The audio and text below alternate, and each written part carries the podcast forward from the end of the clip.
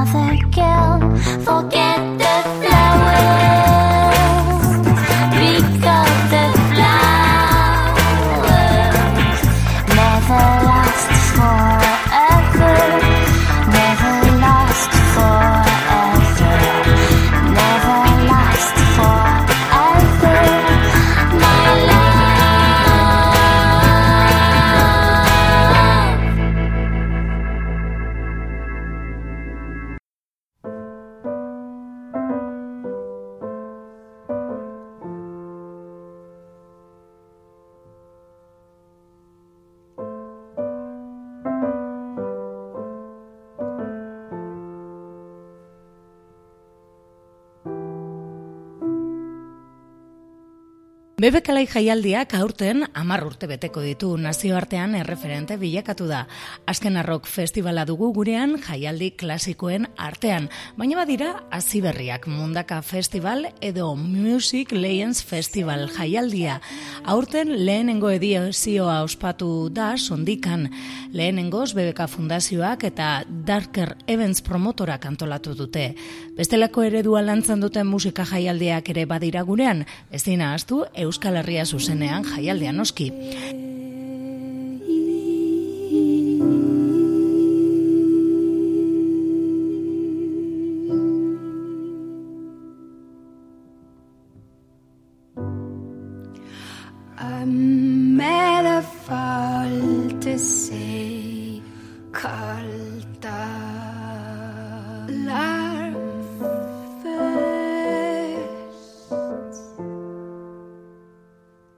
Espainiako musika promotoreen elkarteak egindako txostenaren arabera 2008an laureun mila ikusle joan ziren Bizkaia Araba eta Gipuzkoan egiten diren musika festivalen batera.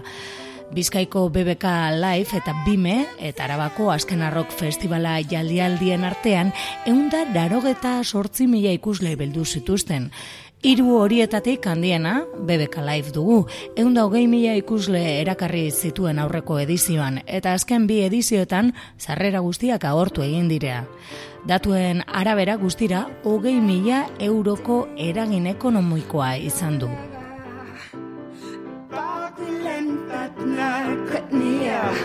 Skava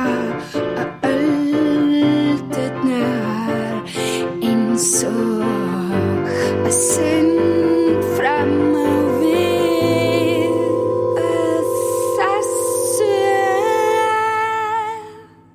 Bueno, guztionen e, tamaina ikusi eta gaurko saioan musika jaialdiei begira jarriko gara, eta ikuspuntu ezberdinak aztertzeko asmo dugu, eta horretarako, bai, une kalbo gonbidatu dugu e, gurera, jaialdien inguruko tesia egin du, apirilaren zazpian e, aurkeztu zuen, beraz lana bukatuta suposatzen dut lasaitasun handia hartuko zuela, eta tesiak badu zer ikusia musika jaialdiekin, ez? Aizialdiko esperientzien diseinua musika jaialdietan. E, eta gero beste titulo luze bat. Bueno, linketa ben, ongi etorria bilboiria irratira. Mila esker.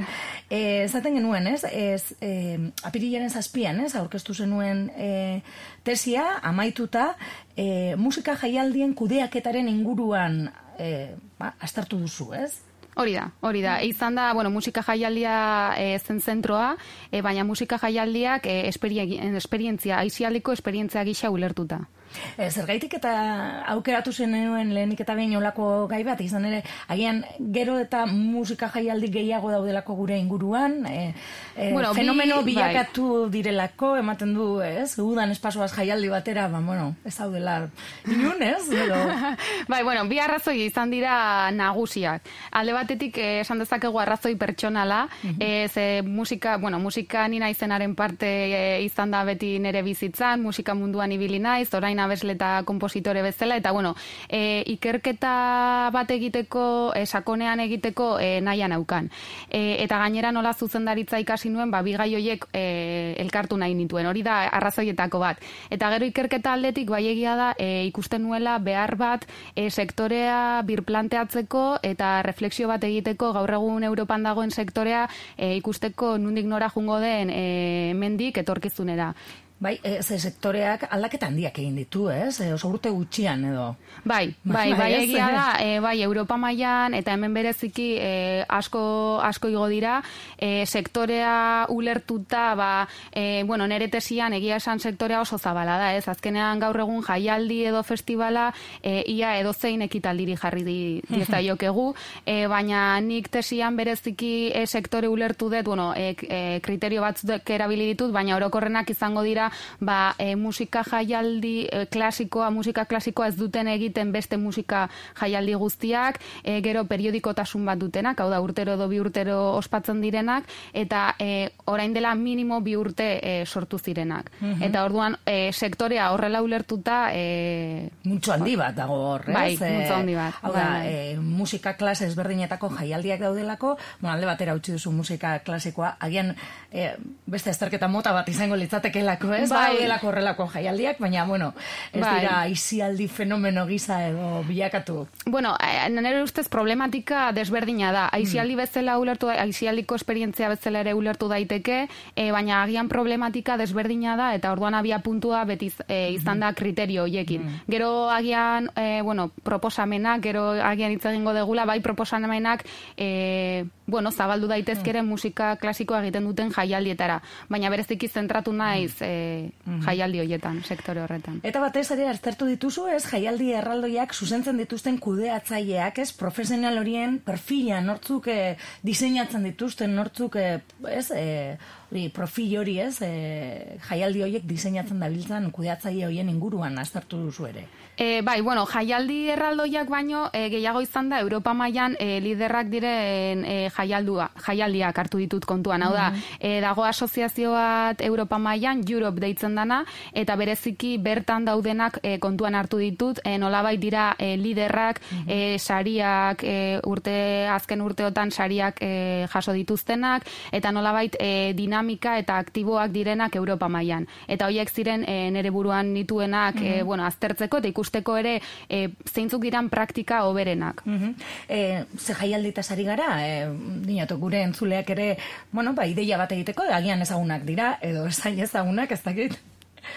E, ze jaialdi dira, bai. bueno, e, izan dira e, asko, ba, Glastonbury, e, BBK Live, e, Sonar, e, Tomorrowland, e, oso jaialdi desberdinak, e, izan dezakete genero, musika generoa oso desberdina izan daiteke, bai rock, bai soul, jazz e, desberdinak, osea, musika klasiko ez diren beste, e, beste asko. E, musika jaialdi hoiek e, formakuntza nola, nola bait, e, te, ja e, ibilbidea bat mm. duten mm -hmm. jaialdiak izaten dira normalean eta hoiek bereziki aztertu nahi nituen e, hoien barnean. e, irakurri duguna aitik ere aipatzen duzu e, jaialdi, e, jaialdi hauek eragin positiboak ere badituztela, ez?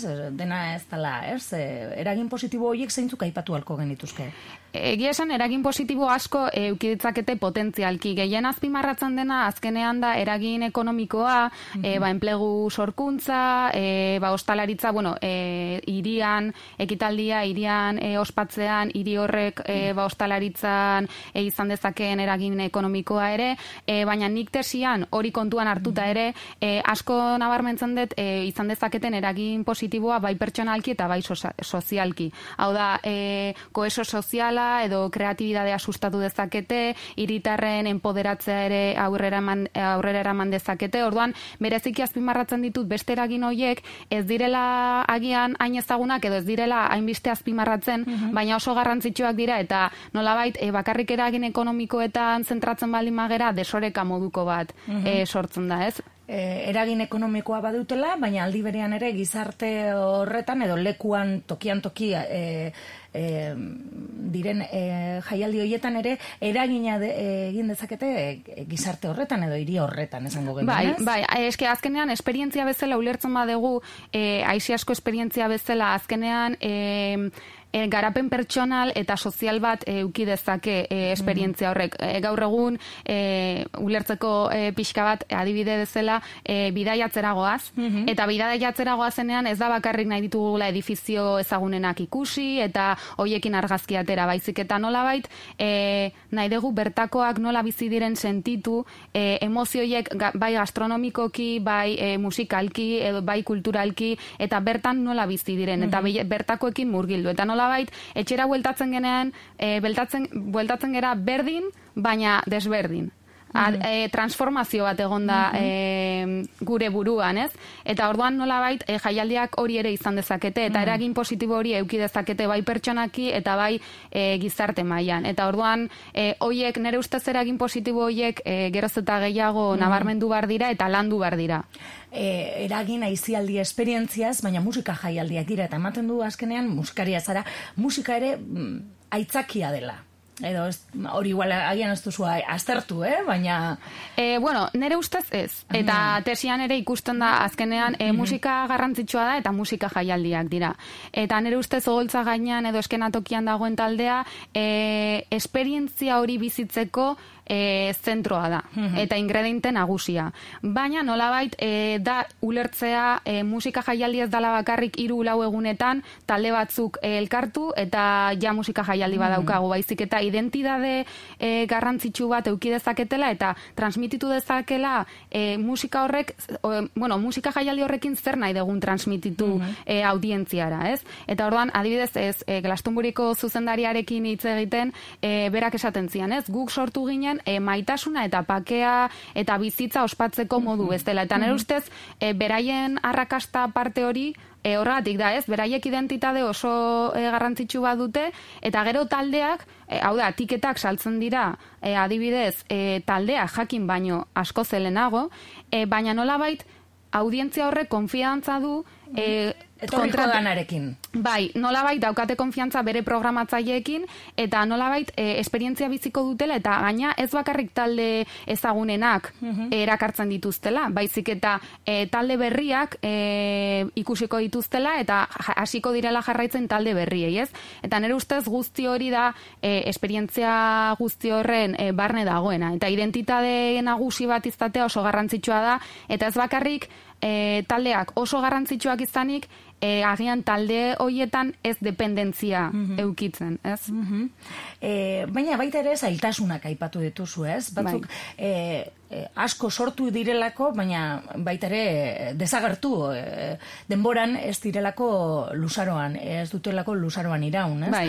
Hor ikusten duzu ere zailtasuna. Bai, bueno, eta ez zingera ez, ez e, ezin gera oso urruti joan, ze hilabet, azken hilabete honetan e, Espainia mailan hiru e, kantzelatu dira, hiru jaialdi kantzelatu dira, ez? E, Trafalgar, Beach, e, Territorio Sevilla, orduan, e, bai, zailtasuna e, garbi eta garbi dago, eta gainera, e, nire ustez, e, nola bait, zailtasun horrek ez egon kortasunarekin, estrukturalki, ez egon kortasunarekin e, duzer ikusia.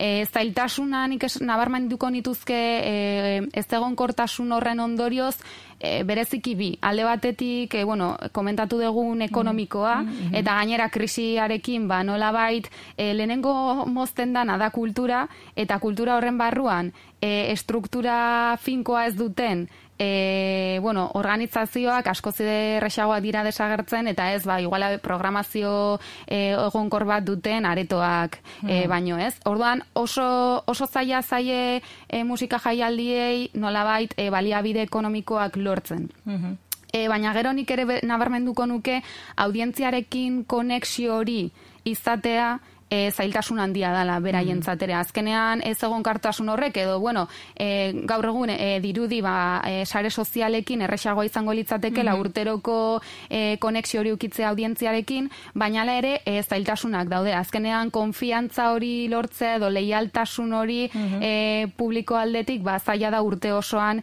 e, ukitzea orduan, bai, eta identitate e, sendo bat eta sakon bat izan bar dute hori lortzeko. Eta nire ustez, e, zailtasun hau asko ze garrantzitsuagoa da e, ekonomikoa baino. Ba. Ze azkenean mhm. audientziarekin konexio hori lortzen baldin badezu agian ekonomikoa. Nola bai, bai, bai, doa, bai. Mm e, pro, e, aipatu dugu programatzaileak eta kudeaitzaileak ere astartu dituzula eta ondorio nagusiak atera ere eta keskarri iruditu zaizu ez, agian ez daukatela, ez dituztela audientziak edo jendearen esperientzia gogo hiek kontutan hartzen edo hori da e, aipatzen duzun gauzetako bat. Bai, bai, bueno, gauza da, e, kontuan adibidez motivazioak e, edo nahiak, nola bai kontuan hartzen dituzte, baina modu pasibo batean. Hau da, e, talde bat programatzerako garaian, azkenean bai kontuan hartzen dute zenbat pertsona erakarri dezaket hmm. den talde horrek, baina tiket aldetik, e, salmenta aldetik, ez, hmm. esan genezake.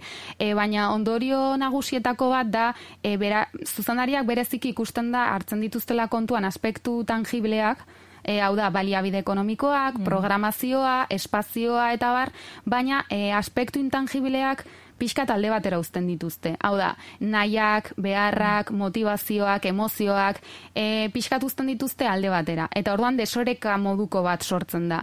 Eta proposatzen duena nolabait, etesiak da, e, profil pragmatiko batetik e, zuzendari esperientzial batera pasatzea. Eta nolabait, e, ez bakarrik kontuan hartzea, e, musika jaialdi zuzendari bat izatea edo musika jaialdi zuzendari izatetik e, esperientzien sortzaile edo diseinatzaile izatera pasatzea. Eta nolabait musika jaialdi ulertzea e, ez esperientzia e, sormen gisa. Mm dakit nola jasoko duten e, inguruko jaialdietako zuzendariak eta kudeatzaiek, ez? Askotan musikari begira ere egoten direlako asko. E, bai, eta musika e, nere ustez e, leno esan bezala ingrediente nagusia da.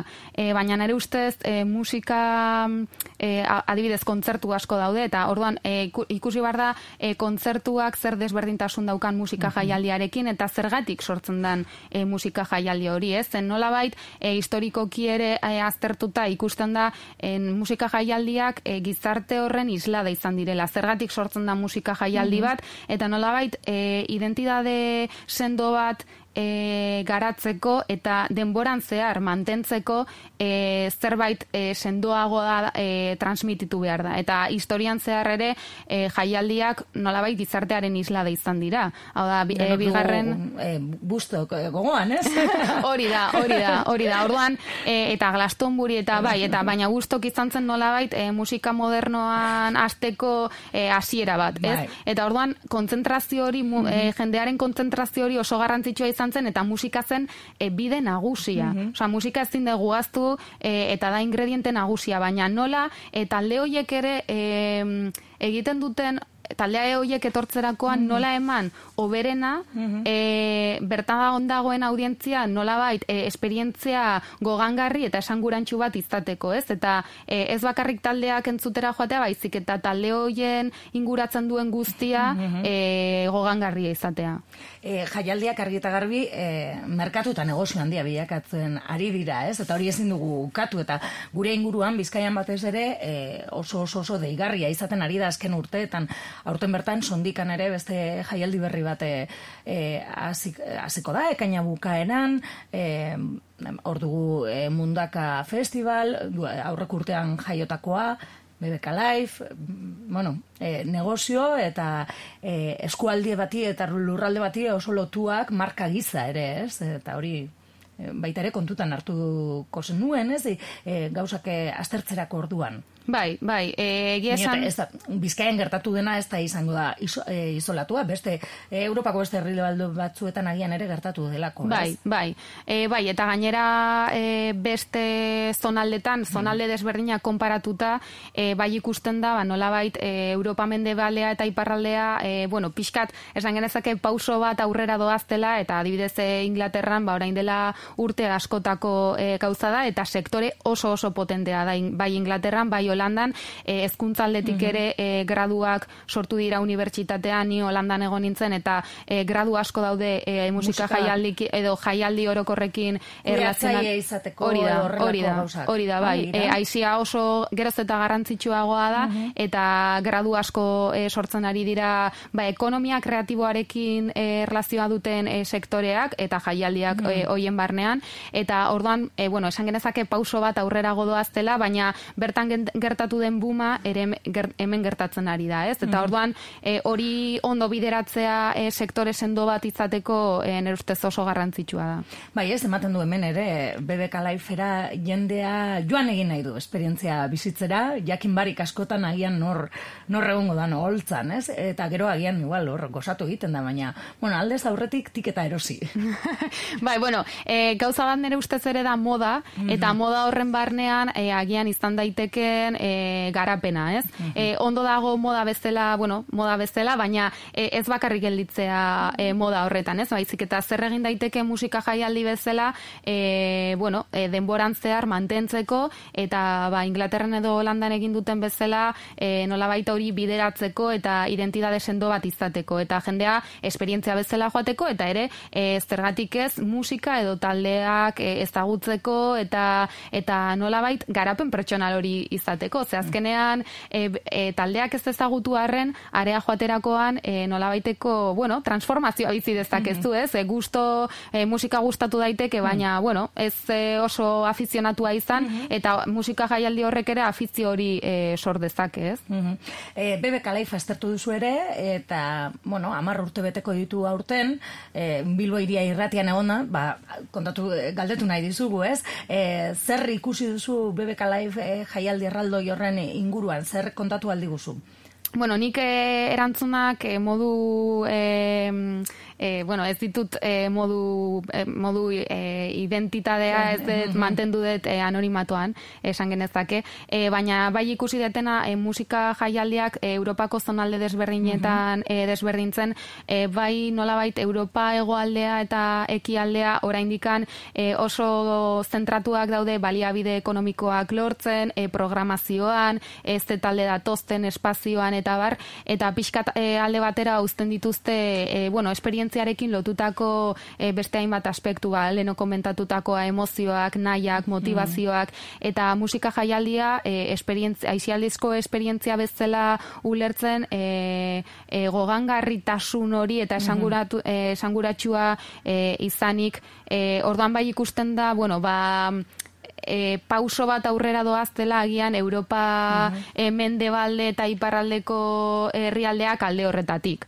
Bereaz, begira gehiago dago, kartelburuan hor izango den, ez? Eta hori erakargarri egiteko edo amu gisa erabiltzeko gehiago e, bertaratzen direnen esperientzia eta zerbait gehiago eskaintzeari, ez? Hori da, hori da. Mhm. Bai, e, azkenean e, da ulertza musika jaialdia modu global eta integral batean. Eta azkenean bai ikusten da e, azterketan eta e, jaialdi, bueno, zuzendari desberdinekin e, hitz egiten e, oso kezkatuak daudela asko, e, ba, zein izango den e, kartel burua, mm ba, jendea erakartzeko, e, baina nolabait e, dependentzia bat e, lortzen, eta Bai, urte batean jauzi alzaizu, ez? Eta ez daukazu kartel buru potolorik. Bai, eta mm. gartetzen dana da, beraiek ere konturatzen daudela e, kompetentzia bat, osea, mm. Europa mailan ba, hori esan dugun boom horrek ere kompetentzia bat e, sortzen du, eta nola, jaialdi batetik bestera, e, importa zaigu jutea BBK laifera, edo beste jaialdi mota batera e, kartela, edo e, kartelburua berdina baldima da. Mm -hmm. Zer desberdintzen gaitu, horregatik, azkenean da, e, garrantzi itxua, identitate sakon eta sendo hori lortzea. Ze azkenean, e, zerbait transmititu nahi dugu musika jaialdi horrekin, ez? Eta mhm. ez bakarrik eragin ekonomikoan e, zentratu, beraz, e, horregatik nire ustez oso garrantzitsua da hori e, garatzea eta e, sendoa izatea. Eta ez bakarrik komertzialki. Osea, ez bakarrik e, komertzioan edo tiketean esalmentan e, zentratzea, baizik eta esperientzia gogangarri bat e, sortzea edo diseinatzea edo errestea nola bait.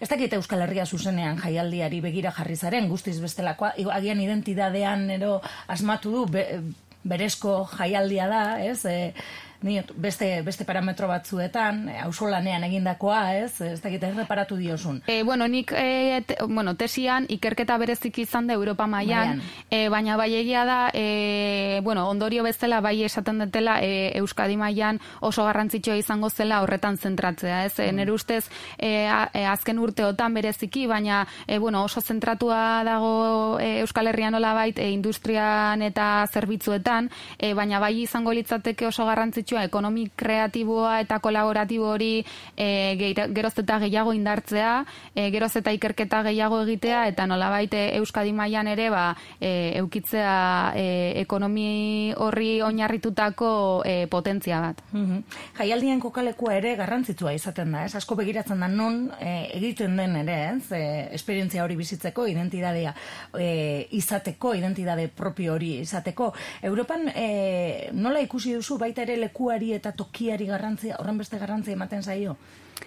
E, bai, bueno, hoietako beste e, variable bat, e, aldagai bat da, ez? E, hoieta, bueno, esperientzia kontuan hartzen deanean, e, aldagai asko kontuan hartzen dira, batzuk dira tangibleak, beste batzuk intangibleak, e, lehen esan bezala, espazio izan daiteke e, tangiblea, eta nola ere aspektu intangiblea bat du, baina tangiblea e, eta garrantzi bat du. E, baina garrantzi bat du, koherentzia bat izaten beste alderde guztiekin.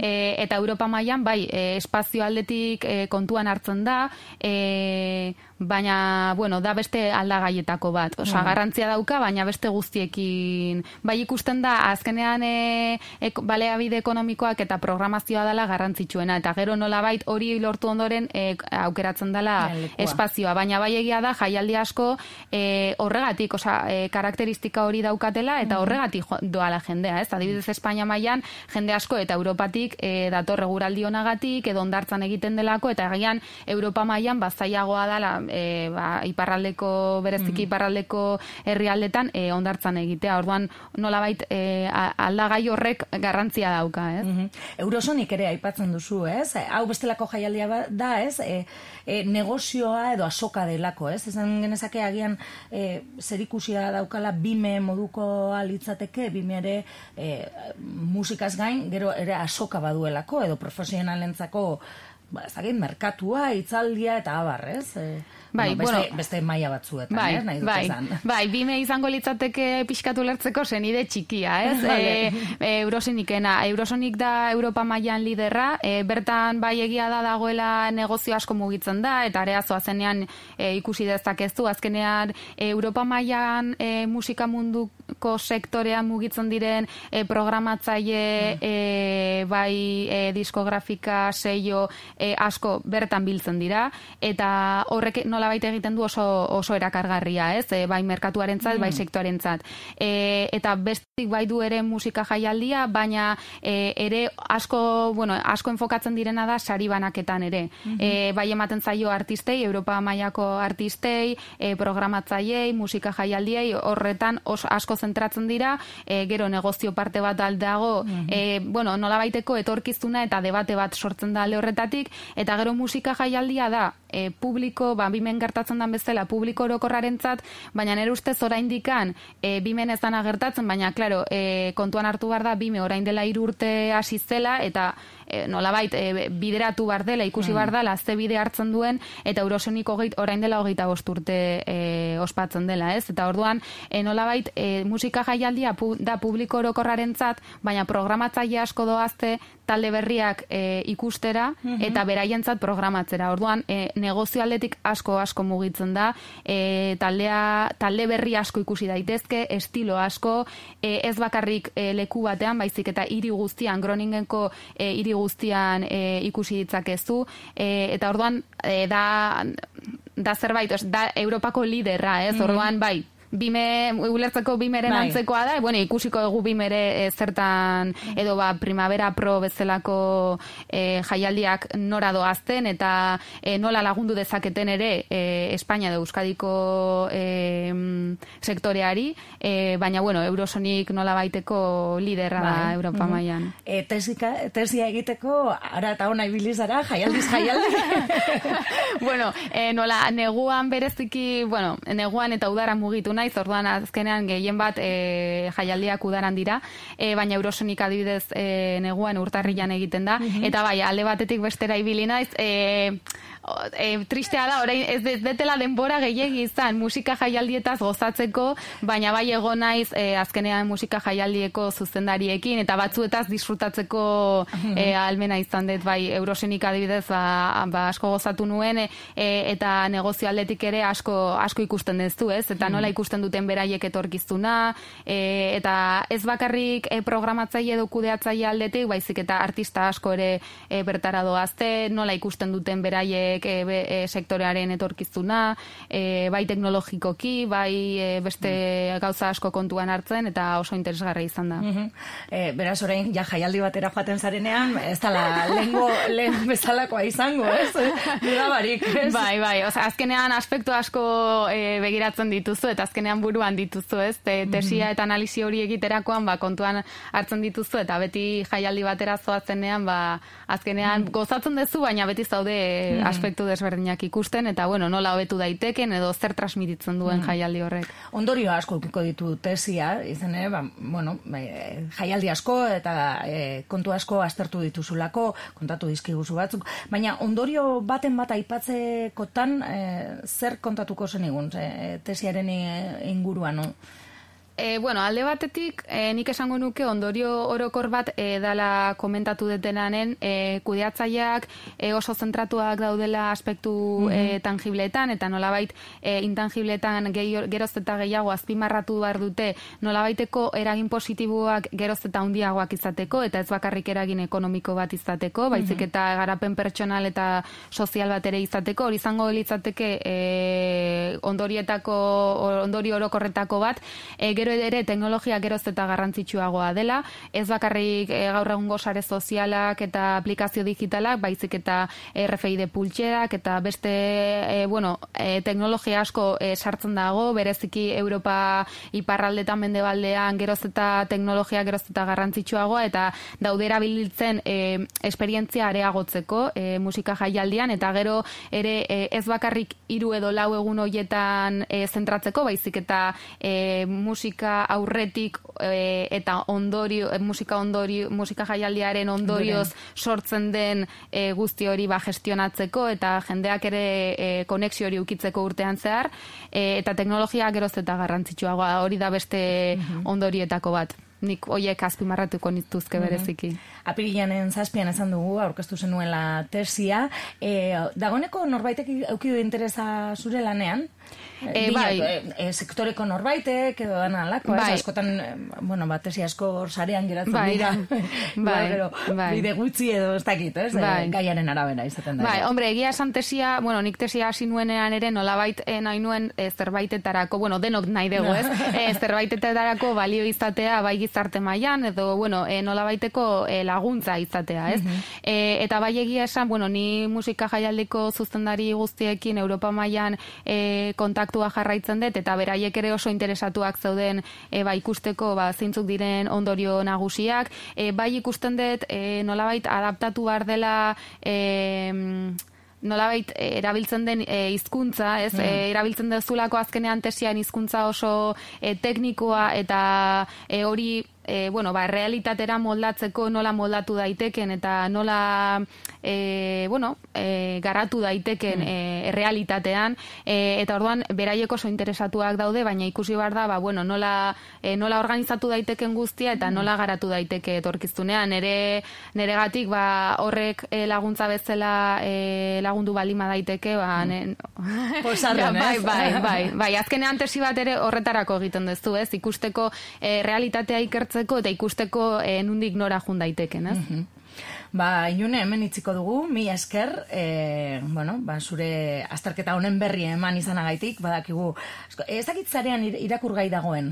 E, oraindik ez, bueno, zazpilan e, aurkeztu nelako, eta oraindik bueno, tramiteak egin bar direlako, eta baina bai. Suposatzen dut gero sarean bai, egongo dela, bai, ez? Bai, hori da. Ba, tentzuleren batek e, irakurtzeko gogoa izan eskero, kontzutatzeko, e, deusuk unibertsitatean egin zenun, bai, ez? Bai, eta infografia bat ere aterako dut zerbait motxagoa, eta, mm. bueno, ikusteko datuak, e, bueno, iztatzeko e, erresagoak irakurtzen, ez? Erakargarria bai, egiteko. Bai, bai. Bueno, ba, esan dakoa, ba, laster, e, sarean ere irakurgai egongo dala, june, mi esker gaur gurean egon izanagaitik. Eta beste batera arte. Berdin.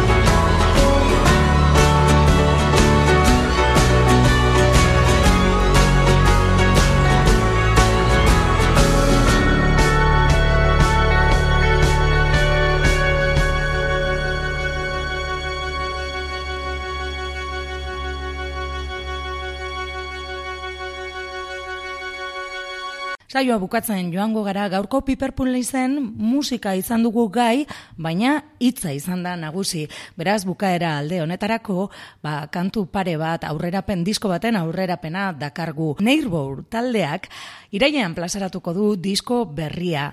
Bidaian bizi gara etengabe, beti etzetik kanpo eta etxea beti faltan. Horrela dioskue, ura Patrikan aurreko lanetik hiru urte pasa direnean, miren Larburu eta Jos Chestan Amsterdamen sortutako bikotea disko berria egiten ari da egunotan usurbilgo igain estudioan aritzarregi teknikariarekin batera. Diskoa esan bezala iraiean plazaratuko dute, baina bi kantu aurrerapen bidali dizkibute eta jarraian entzungo dugu bat neirbou. Ezin nuntzaren esan Zenbat urte dituzu Main diren arkupeko Ilunan lekuko Enizun astirik eman. Puntxu zinala pentsa Izar txiki baten errautsa uste izan zinala, ta izango zinala, deskuido baten urratxa. Io lere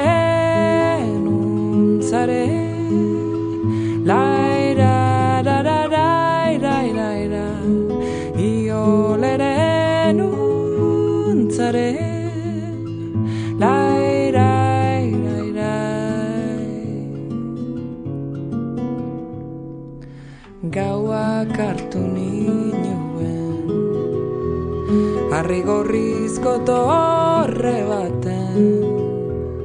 Nola itzuli etxera Bide txurrera Elurrari bazuen. Ala gehiatu ginen Elurrezko mapatxurien erregeta erregin kolombina tarlekin munduko zalantzatien munduko zalantzatien io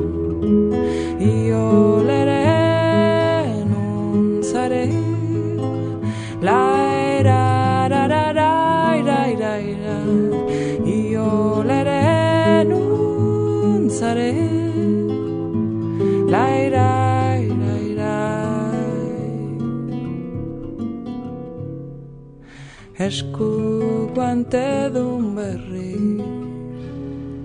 Anonimo arena berri isilik eta trebe ez erresan gabe bigurtu zintuzten arri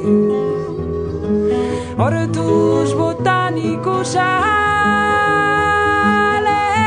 zena izana notxa Lore hilak lurrean, begilen aurrean, korrilla berdea ama.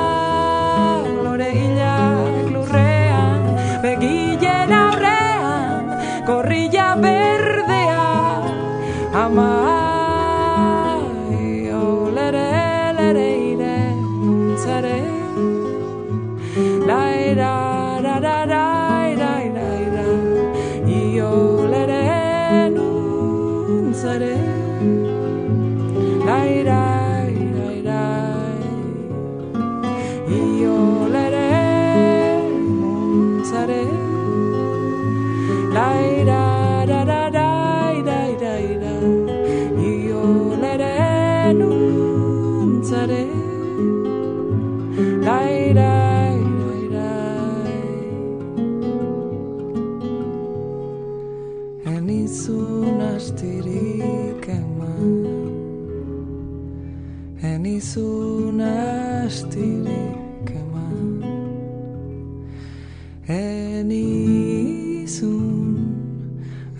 vestir.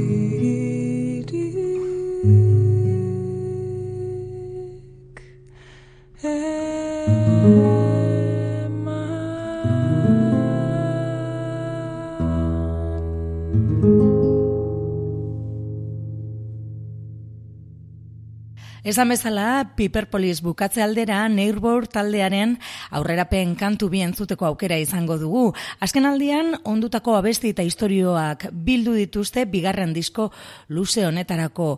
Lehenengoan agertzen zuten freskotasuna galdu ba, gabe, bigarren bilduman esparru musikala irekiz eta doinu eta ritmo berriak gehitu dituzte. Euskara izango da nagusi e, disko honetan, naiz eta beste hizkuntzetan kantatutako beste kantu batzuk dituzten.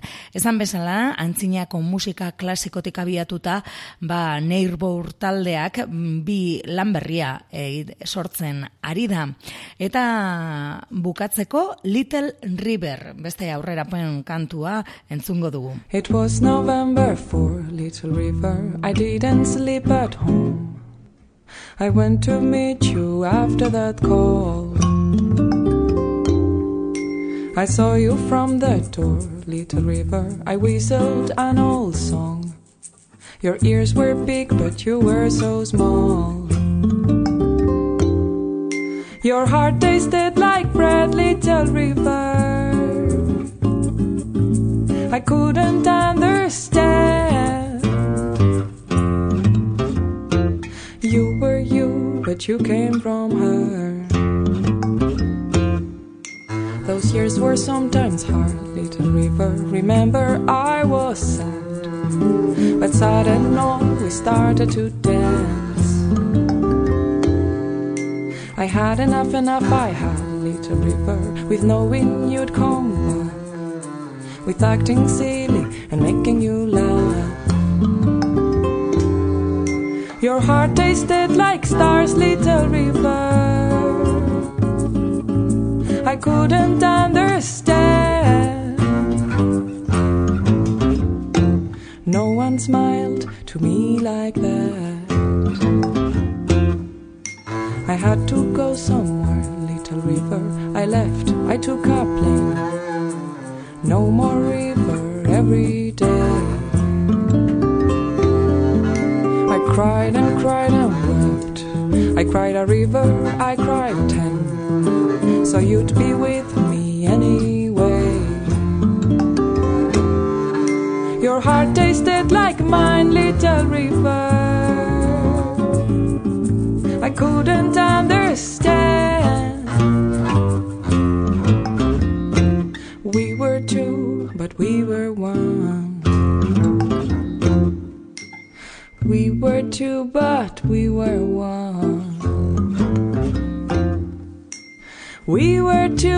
but we were one. We were two, but we were one.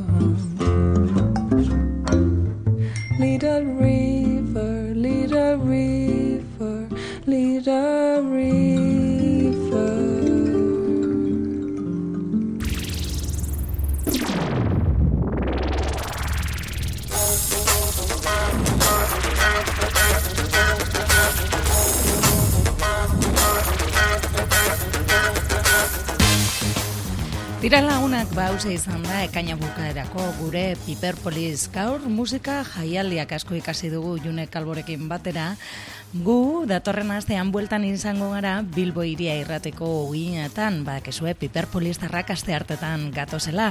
Baina nahi izan ezkero nahieran ere saio guztiak dituzue bilboiria.eusen. Datorren astera arte ondo izan eta bizi ondo agur. now.